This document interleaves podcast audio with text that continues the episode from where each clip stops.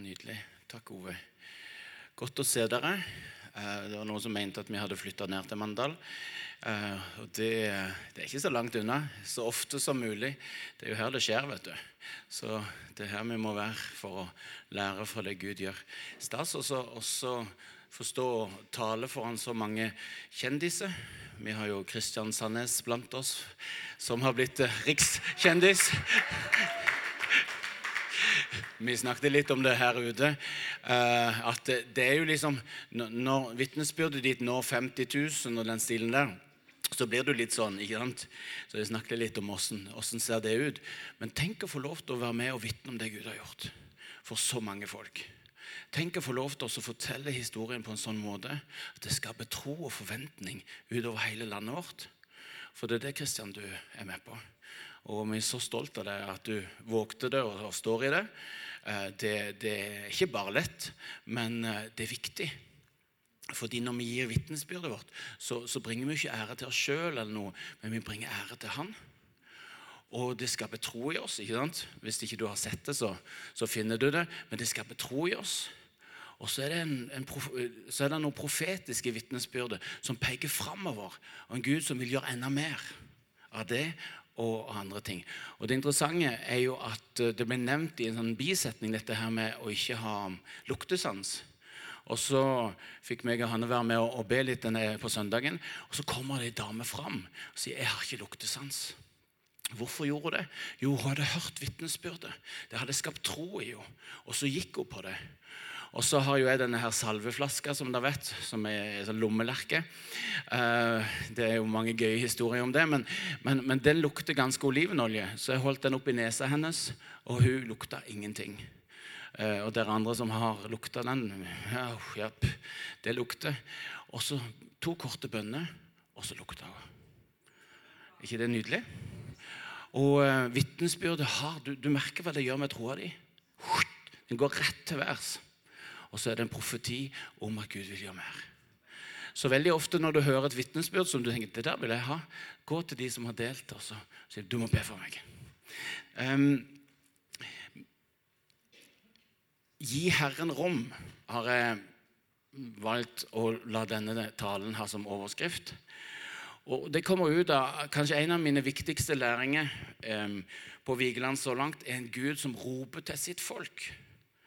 Jeg mente det når jeg sa jeg kan bruke alt og alle. Bare gi meg rom. Gi meg rom i, din, i, i ditt personlige liv. Gi meg rom i deres møte og gudstjeneste, i deres familie, i deres nabolag, på jobb og skole. Gi meg rom. Bare gi meg rom. Og, og, og dere som, som, står i ledelsen av det som skjer på Vigeland, dere gjør det på en så utrolig nydelig måte. Er så begeistra for hvordan dere forvalter det. Og, og, går inn i det, går inn i det ukjente. Men hele tida bare det handler, det handler, bare om å gi, gi Herren rom. Det handler ikke om oss, det handler om Han. Så vi bare rydder plass. Prøver å ikke stå for mye i veien sjøl. Og så gir vi Gud rom.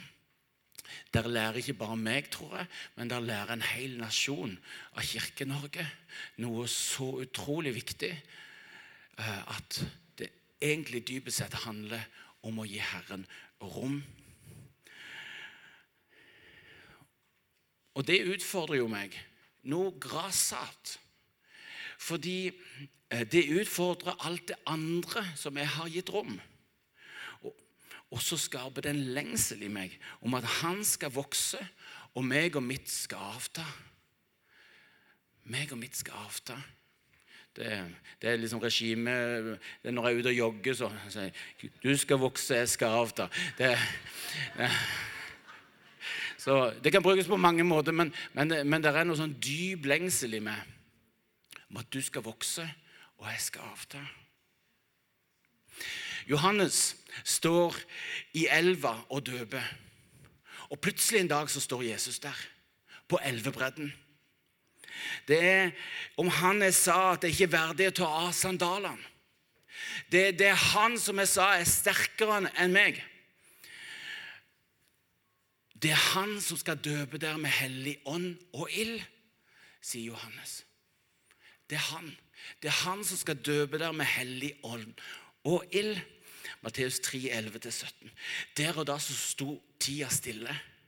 Det dirra i lufta. Litt som når Marit spilte piano profetisk på møtet på Vigeland forrige helg. Eh, hvis du var der på lørdagen.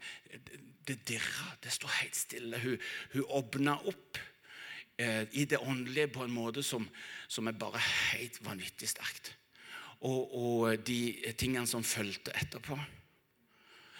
Kan det være Messias? Altså ikke Marit, men han som står på elvebredden. Kan det være Messias? Det summa i folket. Det summa i folket. Kanskje, kanskje er det Messias. Der er, der er Guds lam, sier Johannes. Så ble Jesus døpt av Johannes, litt sånn motvillig eh, fra Johannes' side. Skal jeg døpe deg? Det er jo du som skal døpe meg. Nei, det er sånn det må være, sier Jesus. Og Idet Jesus kommer opp av vannet, så høres pappa Gud sin stemme. 'Dette er sønnen min. Han elsker.' Og Både i, i Johannes sin holdning til Jesus så lærer vi mye om å være disippel. Om at han skal vokse, jeg skal avta. Men i, i pappa Gud sin relasjon til sin sønn så hører vi de samme ordene som han taler ut over deg, som er hans datter, og du, som er hans sønn. Se. 'Dette er min sønn. Jeg elsker han.' Sier han til deg. 'Hei, dette er min datter. Jeg elsker hun. Så vi ser allerede her noe av de der eh, strømningene som kommer ut fra, som har fulgt oss siden, om hvordan det er å leve tett på Jesus. Vi, vi vet at Jesus er Messias. Vi vet at han leverte på over 300 profetier som har sagt om ham. Vi vet at da han døde på korset og sto opp så åpner han veien for alle mennesker som vil bli fri fra synd. For at hver den som tror på han ikke skal gå fortapt, som var egentlig det de var satt opp for, men har evig liv, sier slutten av Johannes 3, 16. Så påska, for å se tilbake, påska ga oss frihet og frelse, gjorde oss til Guds barn. Pinsa gir oss kraften og oppdraget. Pinsa gir oss kraften og oppdraget. Se, der er han som skal døpe deg med ånd og ild. Det var aldri meningen at du skulle møte egne og andres utfordring uten å være fylt av Den hellige ånd. Det var aldri tanken. At vi skulle leve vårt kristne liv, vår tjeneste og alt dette som er hverdag, uten å være fylt av Den hellige ånd. Derfor må vi stoppe med ordene fra Johannes døperen om at Jesus skal døpe deg med hellig ånd og ild.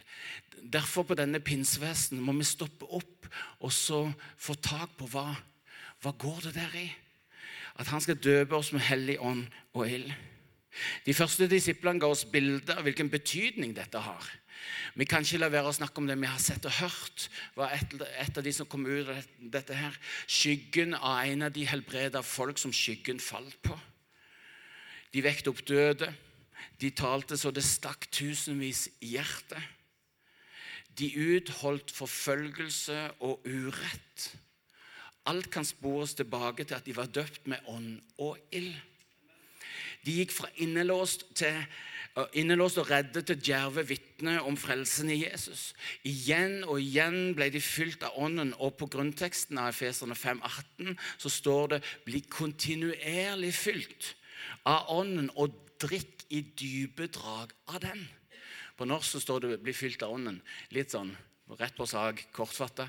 Men egentlig det som ligger i bildene på, på, grunnteksten, handler om å bli kontinuerlig fylt av ånden og drikke i dype drag av den. Jeg syns det er bare helt vakkert og gir oss eh, innspill på at dette er ikke en engangs foreteelse, noe som vi fikk idet vi ble døpt eller idet vi kom til tro. Eller, men det er noe kontinuerlig som han gir oss. Og Det ser vi jo i apostelens gjerninger. Igjen og igjen de samme folkene. Så ble de fylt av Den hellige ånd. Så skalv huset der de satt og ba. Ble de fylt av Den hellige ånd, og så, og så reiste de ut og forkynte evangeliet. Så ble de fylt av Den hellige ånd, og så, så ser du de samme folkene igjen og igjen. Kontinuerlig. Det er noe som, som blir gitt dag etter dag, igjen og igjen. Og det var aldri meninga at du skulle klare deg uten. Det var aldri meninga at du skulle prøve å klare deg uten. Og jeg vil ha mer av dette. Jeg kjenner at, at denne tida har skapt en sånn lengsel i meg at jeg vil ha mer av dette. Jeg vil ha mer av Jesus, mer av Guds ånd. Jeg vil ha alt det Gud ser at jeg trenger for å være en god far, ektemann, disippel, venn, misjonær, leder, nabo osv. Jeg vil ha alt det han ser jeg trenger. Jeg vil ha alt han har. Herre, gi meg mer sult på deg. Gi meg mer sult på mer av deg. Herre, gi meg mer sult på mer av deg. Han møter oss aldri med skam eller skyld. Han møter oss kun med invitasjon. Kom, du kan få mer av meg. Ja, men jeg, klar, jeg har ikke sult. Nei, men jeg kan skape sult i det. Altså, han er, hele tida er dette nåde. Så, så, ikke gå feil i det vi nå snakker om. Han gir, han inviterer, han ønsker å ta deg inn i. Herre, gi meg sult på mer av deg. Hva, hva tenker du personlig om dette å ha, ha sult på mer av Jesus? Gi deg et lite minutt til bare å sitte i der du sitter. Så. Hvor, hvor, er du i dette? Hvor, hva, hva kjenner du i forhold til dette med 'jeg vil ha mer av deg, Jesus'?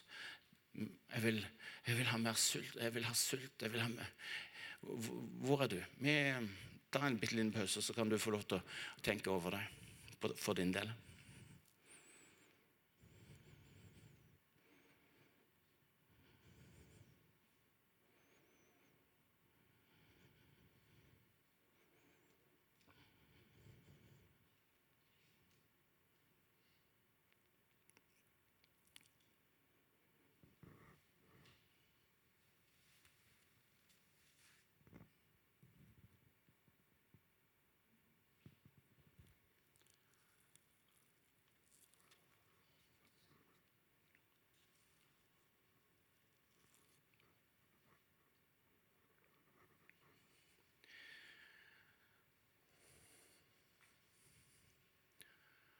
Møter oss ikke med skyld og skam. Si at du burde, skulle. Hvorfor har du ikke? Han møter med en nådig invitasjon. Hva vil du ha? Kan jeg få lov til å gi det? Hos meg skaper det lengsel etter mer. Løftet ble tilgjengelig fra den første pinsedagen, og kirkehistorien har gitt oss utallige bilder på hvordan det kan se ut. Men det er noe med responsen vår som er viktig. Responsen avhenger av om vi er interessert. Om vi er desperat etter mer av Jesus. Om vi er sultne på mer av Han. Han vil døpe oss med ånd og ild. Han ønsker å dra oss inn i dypene av hans kjærlighet. På den andre sida så vil mangel på desperasjon la Guds inngripen gå oss hus forbi. Det var en erfaren kirkeleder som sa det er ikke, det er ikke alle de rare uttrykkene som kommer i en vekkelse, som stopper vekkelsen. Det er alle de som ikke er desperate etter mer av Gud. Det tok meg. Det tok meg. Og det kan være mye rart når vekkelsen begynner å virkelig komme ut av kontroll. vi, hadde en prat om det, Geir og meg, i forhold til at det, har vært så lite manifestasjoner foreløpig. Eh, og når det begynner å komme, så kommer det et helt annet trøkk og, og, og, mye mer. Så Vi snakket litt om hvordan kunne, en, en, kan håndtere det, da, og hvordan lede inn, inn, inn i det. Men det er ikke alle de rare tingene som stopper vekkelsen. Det er alle oss som ikke er desperate etter mer av Jesus. For ut fra det så kan det til og med ende opp i at vi kritiserer og stiller oss bestemt utenfor Guds inngripen. Fordi vi er ikke sultne. Vi er ikke på, på den linja i det hele tatt. Og så ender vi opp i å avvise. Vekkelse gir oss noen tydelige veikryss. Mye mer enn før. Det er befriende. Og Jeg merker det her, hvordan denne forsamlinga er fullstendig forandra. Hvis jeg ser to, tre, fire år tilbake.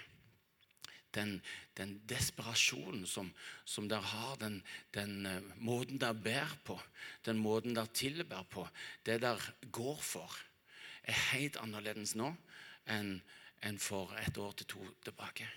Og Det er det som er det interessante med vekkelsestid, er at det er noen veikryss som en kan velge hvilken vei en vil gå. Og det er det Gud på en måte um, virker borti oss på. På vårt personlige plan og for oss som forsamling. På, um, på Vigeland mener jeg å se en økende sult etter mer av Gud i Guds folk, som kommer fra nært og fjernt en økende sult. Jeg tror Denne vitnesbyrdet til Kristian, som, som uh, går over hele Norge, handler mye om et uttrykk for den sulten. Det er en lengsel.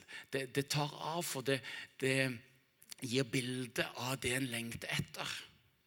Og så sprer det seg noe helt voldsomt. Så det er noe utrolig interessant i det som nå skjer. Og Jeg mener å se en økende sult etter mer av Gud. En sult etter å riste av seg synden som så lett, lett hefter på oss.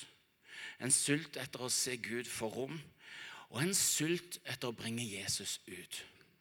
Her skal dere få en liten hilsen fra Svein i Grimstad, eh, som har gjort noe erfaring med dette. Hei. Forunderlige ting skjer i forbindelse med vekkelsen på Vigeland. En natt for 24 uker siden så våkna jeg opp med en klar tanke om at jeg skulle besøke, eller ta kontakt med en bestemt menighet oppe i Berg i Helgeland. Jeg bare slo det ifra meg. tenkte det her er mine egne tanker. Jeg har bare lyst til å dra dit. Så jeg la meg til å skulle sove igjen. Det gikk ikke mer enn et par minutter, så får jeg plutselig bare denne setninga. Hører du ikke på meg? Hører du ikke på meg? Det skremte meg. Var det sånn at jeg ikke lytta til det Gud ville si? Så øyeblikkelig den morgenen så prøvde jeg å finne noen kontaktperson for denne menigheten i Berg Helgeland. Og fant en og tok kontakt med de. Fikk beskjed om at det var styremøte den dagen, så de skulle komme tilbake. Etter styremøtet får jeg beskjed om at vi var veldig velkommen, og de ville gjerne høre at, vi, at det prekte om Guds nærvær, og at vi fortalte om det som skjer på Vigeland. Det førte til at vi hadde møte der søndagen etterpå. Og vi ble også invitert til Pinsekirka i Mosjøen. Det ble sterke møter, for dette er brennende folk som lengter etter å leve nærmere Gud, etter å leve i samfunn med Gud. Vi er invitert opp igjen, skal gjerne tilbake det, den brannen som jeg starta i Vigeland, den brenner rundt omkring i Norge nå. Det var ikke vi som dro han med, det var fyr der allerede når vi kom, men vi fikk fyr opp under litt ekstra. Takk. Ja, Nydelig. Ja. Svein, eh, Svein leder IMI Grimstad til vanlig og eh, har fått lov til å være med dere her og, og gå i lære og være med og be har utrolig, det er utrolig bra at uh, vi får lov til å, å, dra nytte av det og, og få vokse i det. Men altså mellom Grimstad og Mosjøen er det 1153 km. Og en biltur på 14,5 timer om du ikke tar pause. De reiste uka etterpå. Det syns jeg er ganske uh, rått. Jeg trodde kanskje det bare var meg som hadde lyst. um, Og de skal opp igjen og ha møtehelg så fort de egentlig lander en dato. Og Dette tror jeg er et bilde på hva vi kommer til å se mer av når Guds folk gir Gud rom. Jeg tror Vitnesbyrdet fra, fra, Svein ikke er sånn sett unikt, men til nært og fjernt så er det stadig flere som, som tar um, vekkelsen og det, den nye troa som er skapt i oss, videre. Jesus fortalte en historie om sult i dobbel forstand. Og vi skal um, være litt i Lukas 11, vers 5 og utover. Um, og um, der står det uh, Du må gjerne ha Bibelen foran deg, så du ser jeg ikke står og tuller. Det kan jo, det kan jo skje. Det er jo ditt, ditt ansvar som er en del av menigheten, å sjekke ut om, om den som forkynner, snakker tull eller ikke. Så du har et ansvar sånn sett. Men i Lukas 11 og 5 utover så står det Sett at en av dere går til en venn midt på natta og ber han Kjære, lån meg tre brød. En venn som er på reise, er kommet til meg, og jeg har ikke noe å by han. Tror dere da han ville svare der innenfra, ikke forstyrr meg, døra er all stengt, og både barna og jeg er i seng. Jeg kan ikke stå opp og gi deg noe. I norsk kultur så ville vi nok svart jo, det kunne vi nok ha sagt nei til. Nei, sier dere, sier Jesus. Nei, sier dere. Om han ikke står opp og gir han det for vennskaps skyld, vil han i alle fall gjøre det fordi han er så pågående, og gi han alt det han trenger. Vil i alle fall gjøre det fordi han er så pågående, og gi han alt det han trenger. For jeg sier dere, fortsetter Jesus, be, så skal dere få. Let, så skal dere finne. Bank på, så skal det lukkes opp for dere. For den som ber, han får. Og den som leter, han finner. Og den som banker på, skal det lukkes opp for. Når jeg besøker menigheter rundt om i Norge, så er det veldig mye bra. Men det er samtidig noe uforløst over Guds folk.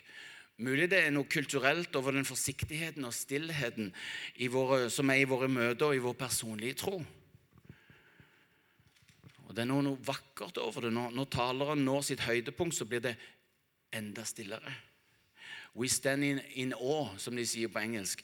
Og Det handler om en sånn dyp beundring om hvem Gud er. Så det er, noe, det er noe veldig flott i det. Og Samtidig så tror jeg vi holder oss tilbake i å reise oss i å gå for det Gud kaller oss til. Innta det som Gud har lagt foran oss. Høre og gjøre Hans vilje. Gå inn i ferdiglagte gjerninger. Forsyne oss fra Hans rikholdige bord. Eller bare gønne på, som Arthur ville ha sagt det. Ikke sant? Um, det er noe sånn Vi, vi sitter, så, vi sitter ikke framme på stolen, på en måte. Like før teksten vi nettopp leste, så sier Jesus noe utfordrende. Ved deg, Korasin, ved deg, Betsaida, dersom de mektige gjerninger som er gjort hos dere, hadde skjedd i Tyros og Sidon, så ville de for lenge siden ha vendt om og sitte i ask og, nei, sekk og aske. Lukas 10, 13. For lenge siden ville de vendt om. De hadde for lenge siden respondert aktivt på det Gud gjorde iblant de. Kan det være at vi er blitt så deilig mette av Guds inngripen, velsignelse, mirakel og kjærlighet og nåde at vi har holdt, på og ville, holdt opp med å ville ha mer av Han?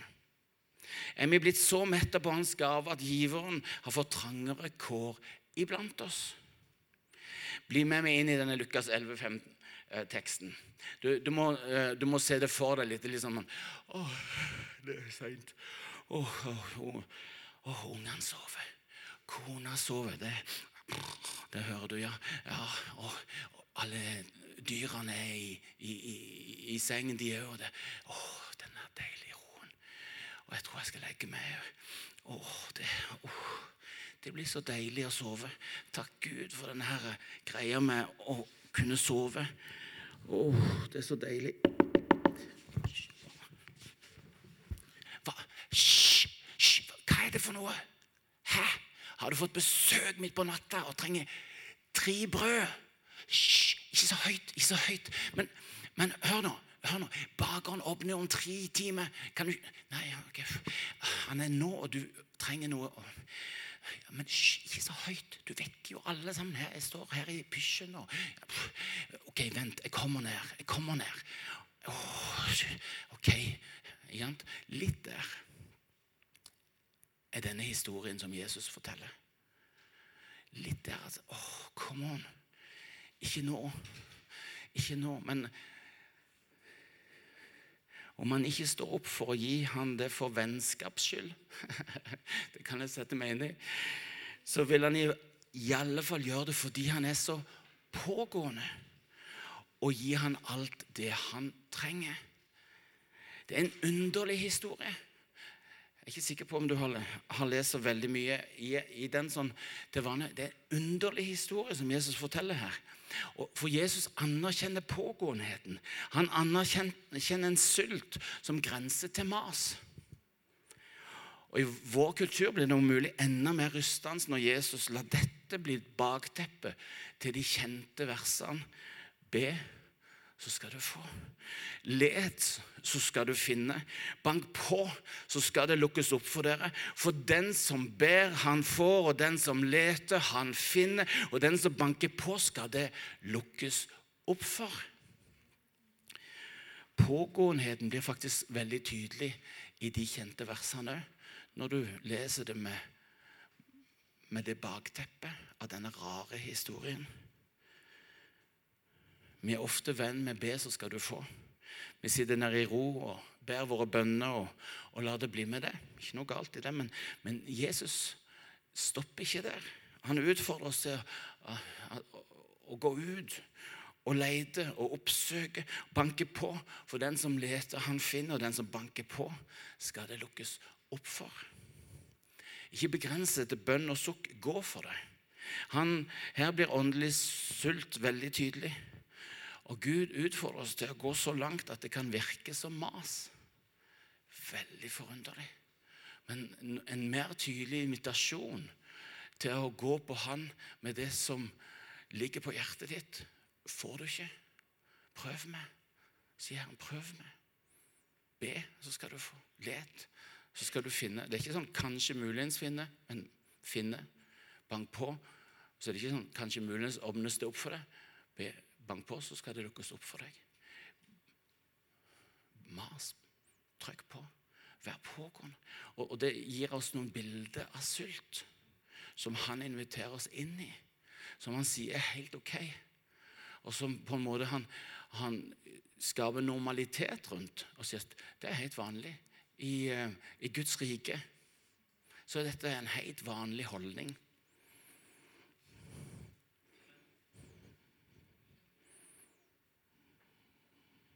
Vi har lært at det å mase ikke er så høflig, og kanskje er det blitt sånn at vi er blitt altfor kristelige.